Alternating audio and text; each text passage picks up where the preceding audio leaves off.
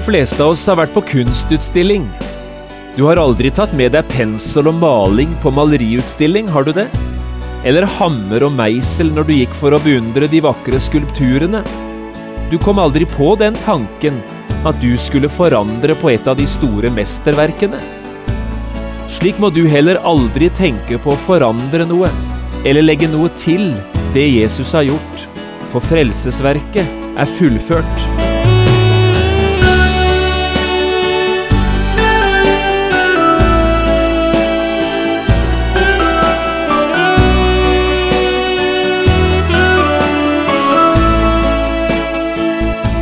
Hjertelig velkommen til et nytt program i serien Vindu mot livet. Programmet er produsert av Kristen Riksradio og blir ledet av Jon Hardang. Kristen Riksradio drives av frivillige gaver. Vi er glade for din støtte.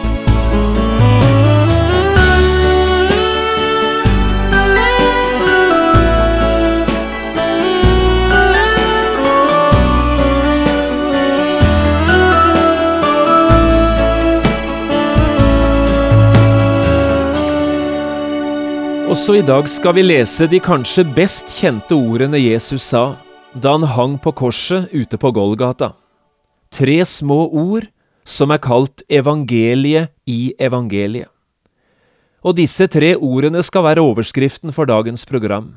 Det er fullbrakt. Vi leser fra Johannesevangeliet, kapittel 19, versene 28 til 30.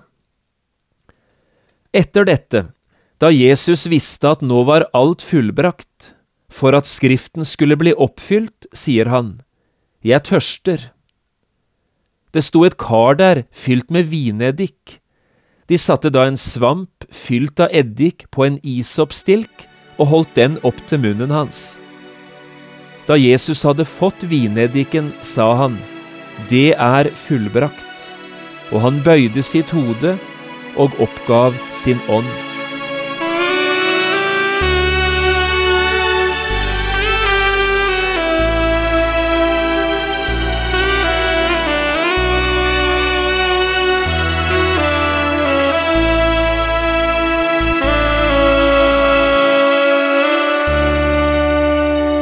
Sannelig, han bar din smerte, så er du jo fri, mitt hjerte.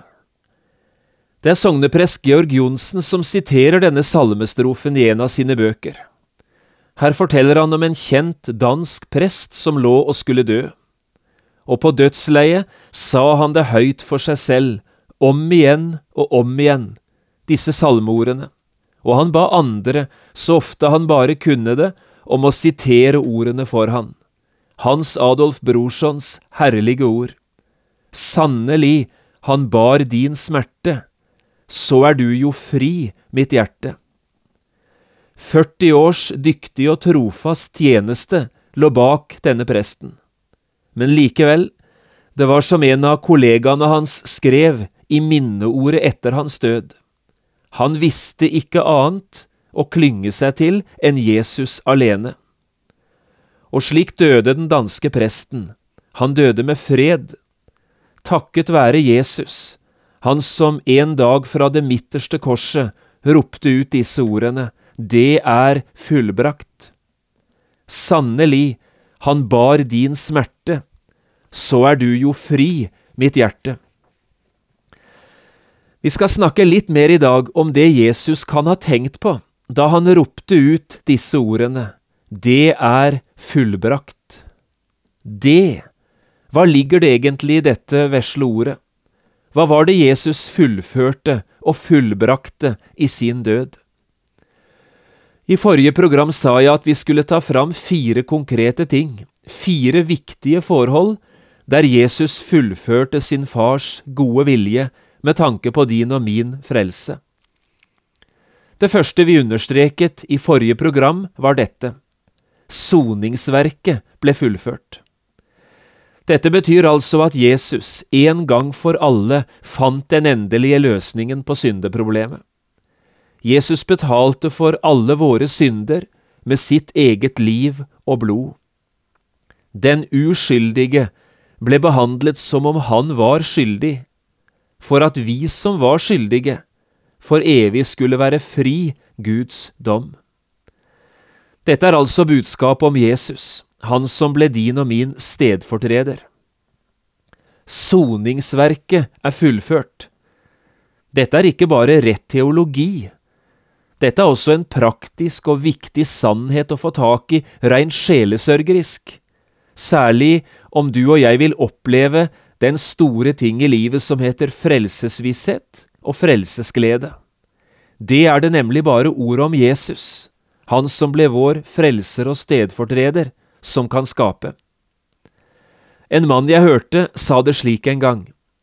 Døden jeg ikke døde, og livet jeg ikke levde, en annens død og en annens liv, har gitt min sjel evig fred. Dersom du har tenkt deg til himmelen, er dette den eneste måten å komme dit på. Du skal sette din lit til det som er gitt deg av Gud i en annen person, i en stedfortreder. En annen mann sa det slik, Det livet Jesus levde, kvalifiserte han for den død han døde. Og den død han døde, kvalifiserer oss for det livet som han levde. Det syns jeg er fantastisk flott formulert. Men hvordan kan vi vite at Gud virkelig er fornøyd med det Jesus gjorde for oss i sin død? Hvordan kan vi være sikre på at Gud har fått det han trenger? Her er Bibelen krystallklar. Ikke bare på én måte, men på flere måter har Gud fortalt oss det, at han virkelig er fornøyd. For det første, vi vet at Gud er fornøyd, simpelthen fordi Jesus sa det. Og hans ord er alltid å stole på. Jesus, han som kalte seg selv for sannheten. For det andre, Forhenget i tempelet revnet i to, forteller Bibelen. Det betyr altså at veien inn til Gud var åpnet. Jesus har gitt oss en ny adgang til Gud, en som aldri før hadde eksistert. Nå finnes det altså ikke lenger noen skillevegg mellom oss og Gud. Gud er fornøyd. Det tredje beviset må være dette, graven var tom. Gud reiste Jesus opp fra de døde. Dersom Gud ikke hadde vært fornøyd med sin sønn, eller med det frelsesverket han utførte, da hadde Jesus blitt værende i sin grav. Men nå er den altså tom. Og det fjerde må være dette. Da Jesus dro tilbake til himmelen på Kristi himmelfartsdag, satte han seg ved Faderens høyre hånd, sier Bibelen. At han satte seg, det betyr at han var ferdig. Han hadde gjort det han var kommet for å gjøre og nå hvilte han ut etter sin store frelsergjerning. Nå ble Den hellige ånd i stedet sendt til verden, akkurat slik Jesus hadde sagt det, for å forklare menneskene hvor perfekt det er, det Jesus har gjort, og hvor fornøyd Gud er med soningsverket Jesus fullførte. Det andre som ble fullført av Jesus da han døde på Golgata, er dette. Alle profetiske skrifter, alle profetier, ble oppfylt. Ikke én eneste profeti om Jesu død og oppstandelse står tilbake som uoppfylt. Vi leste nettopp dette i Johannes 19, 28, i begynnelsen av dagens program. Etter dette, da Jesus visste at nå var alt fullbrakt, for at Skriften skulle bli oppfylt, sier han, jeg tørster. Jesus visste at nå var alt fullført. Jesus visste at Skriftene var oppfylt, til punkt og prikke.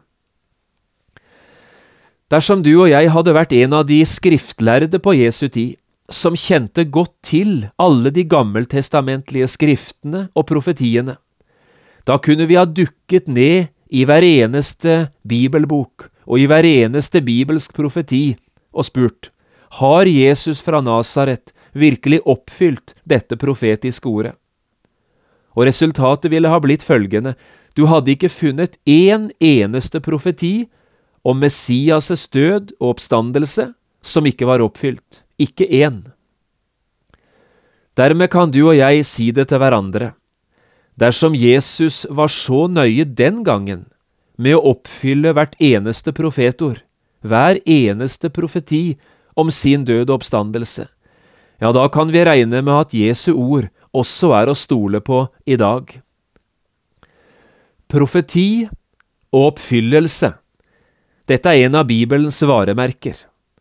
Og dette er en av de viktigste grunnene til at vi kan tro på en ufeilbarlig bibel, at Bibelen er Guds inspirerte ord fra perm til perm. Og på samme måte som Gud altså har oppfylt mange, mange profetiske ord, så skal han også i framtiden gjøre det, for det er enda mange, mange bibelske profetier som er uoppfylte. Jesus skal komme igjen, og det skal skje store ting også i fremtiden. Gud vil stå for det han har sagt, og oppfylle hvert eneste ord han har lovt. Det er fullbrakt, sa Jesus ute på Golgata. Dette betyr for det tredje at Guds lov, Guds hellige lov, er oppfylt. Altså at den lovpakten, at den Guds lov som er grunnlaget for forholdet mellom Gud og mennesker, den er opphevet. Dette er kanskje ikke en enkel sannhet å få tak i, men la oss prøve å åpne noen av de bøkene i Bibelen som kaster lys over dette for oss. Guds lov er oppfylt, og at lovpakten, som grunnlaget for forholdet mellom Gud og mennesker, er opphevet. La oss lese litt av det Bibelen sier om dette. Jeg tror vi skal lese fra tre forskjellige steder. Matteus 5, Galaterne 3 og Romerne 8. Kristi død betyr altså at Guds lov er oppfylt, og at ditt og mitt forhold til loven i dag er helt annerledes enn om ikke Kristi død hadde vært en virkelighet. Vi begynner i Matteus 5 og leser vers 17. I dette verset fra Jesu bergpreken sies følgende. Dere må ikke tro at jeg er kommet for å oppheve loven eller profetene. Jeg er ikke kommet for å oppheve, men for å oppfylle. Her sier Jesus nesten det samme som han sa på Golgata. Jeg er kommet for å oppfylle loven og profetene, eller det er fullbrakt, som han sa på Golgata. Jesus kom ikke for å oppheve loven, det betyr sette den ut av kraft. Jesus kom for å oppfylle den, altså gi loven sitt egentlige, sitt riktige innhold. Dette er ganske viktig å få tak i. Vi må ha én ting klinkende klart for oss. Det er ikke noe galt med Guds lov. Moseloven er hellig, rettferdig og god, sier Bibelen. Det var ikke noe i veien med Guds bud. Men det er noe i veien med oss mennesker, vi som skulle holde denne loven. For ingen av oss er i nærheten av å være i stand til det å kunne holde den. Og hør nå, Gud ga oss ikke loven fordi han trodde vi skulle klare å holde den. Så blåøyd eller optimistisk var ikke Gud. Han kjenner deg og meg bedre enn som så. Gud ga oss ikke loven for at vi skulle oppfylle den, men han gjorde det for at vi skulle innse at vi ikke var i stand til å oppfylle den. Loven skal altså lære oss denne viktige sannheten om vår syndige natur, at vi er fortapte mennesker, og at vi som fortapte mennesker ikke er i stand til å bli rettferdige for Gud på grunn av gjerninger. Men så kom altså Jesus, og han oppfylte Guds lov til minste detalj han gjorde i ett og alt det Guds lov krevde, og han gjorde det på våre vegne. Dermed er loven oppfylt av Jesus, for oss. Jesus kom ikke for å oppheve loven, men for å oppfylle den. I Galaterbrevet 3 leser vi disse ordene fra vers 21 til 26. Prøv å følge godt med når vi nå leser. Er da loven imot Guds løfter? Langt derifra. For bare hvis det var gitt en lov som hadde kraft til å gjøre levende, kom rettferdigheten virkelig av loven.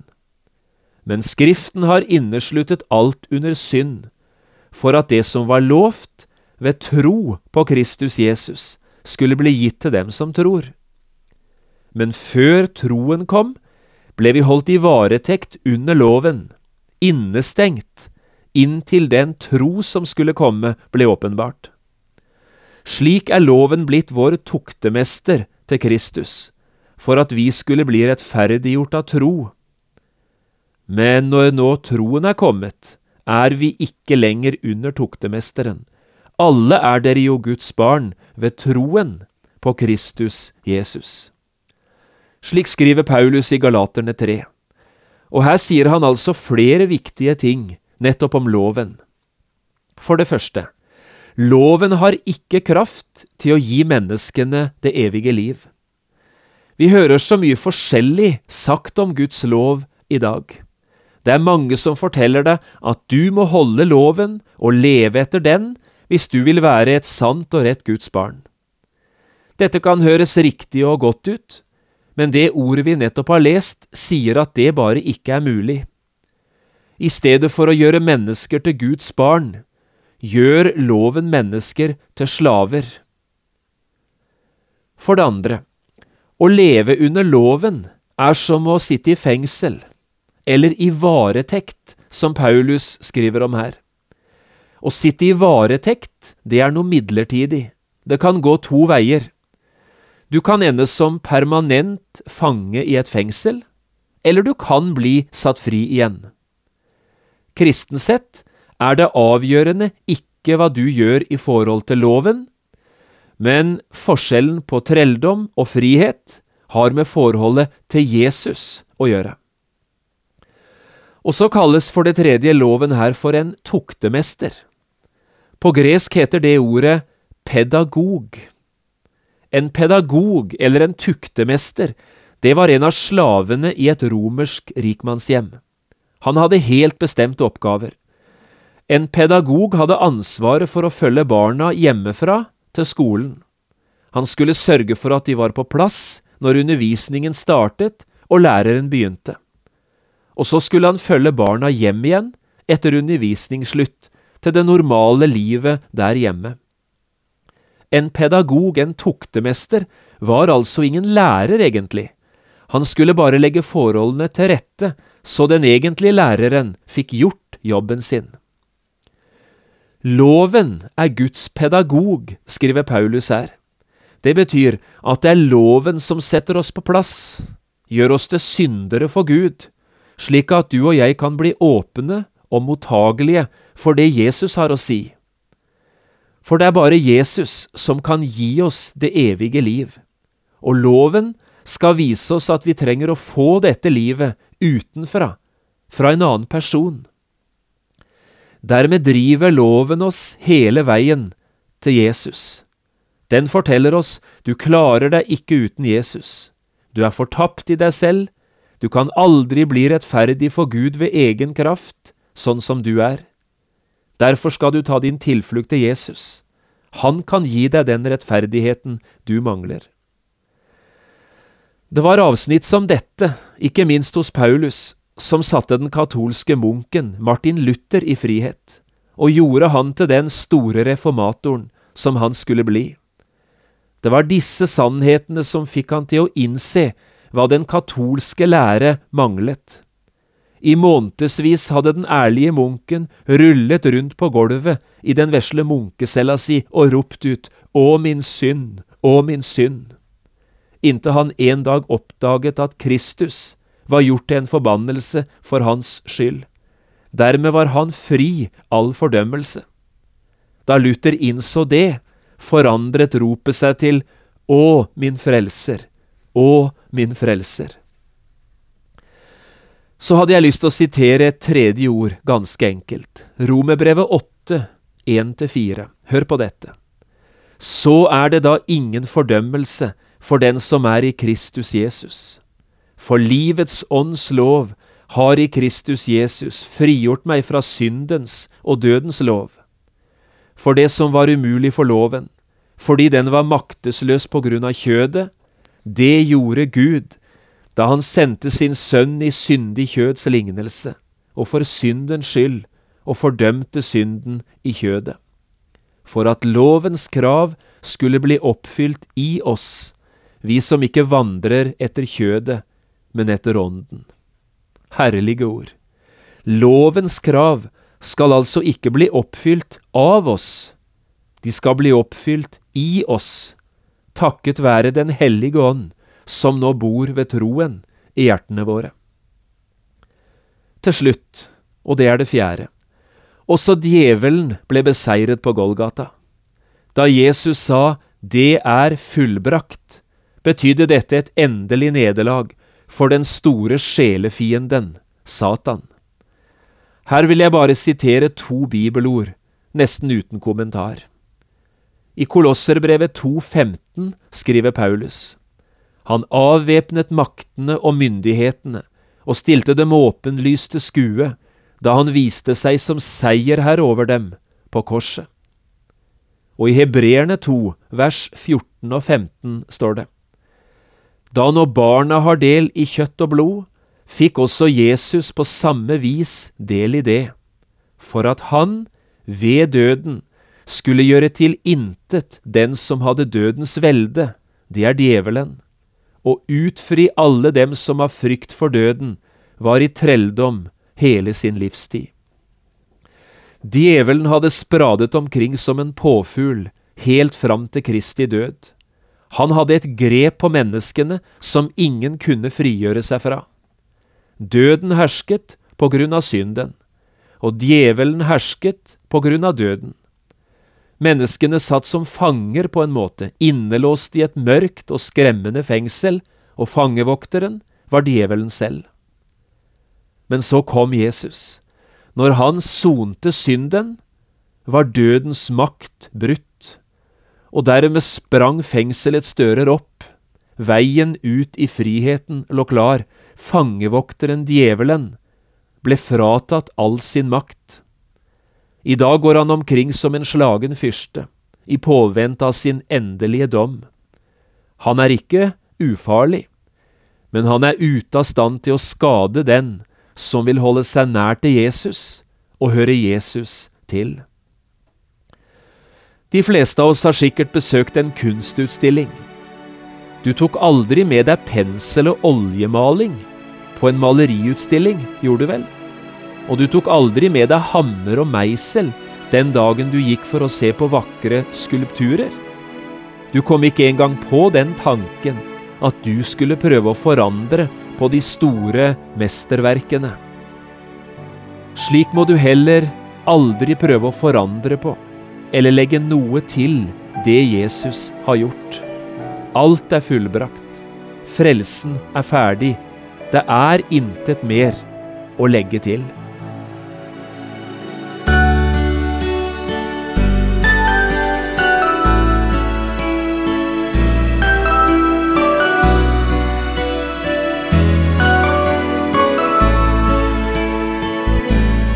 Du har lyttet til et program i serien Vindu mot livet med John Hardang. Programmene i denne serien kan også kjøpes på CD fra Kristen Riksradio eller høres på internett på p7.no. Har du spørsmål eller kommentarer til det du nå har hørt, kan du ta kontakt med oss. Adressen er Kristen Riksradio, Knappskog 5353 Straume, eller e-post vml krøllalfa p7.no. Takk for i dag, og på gjenhør.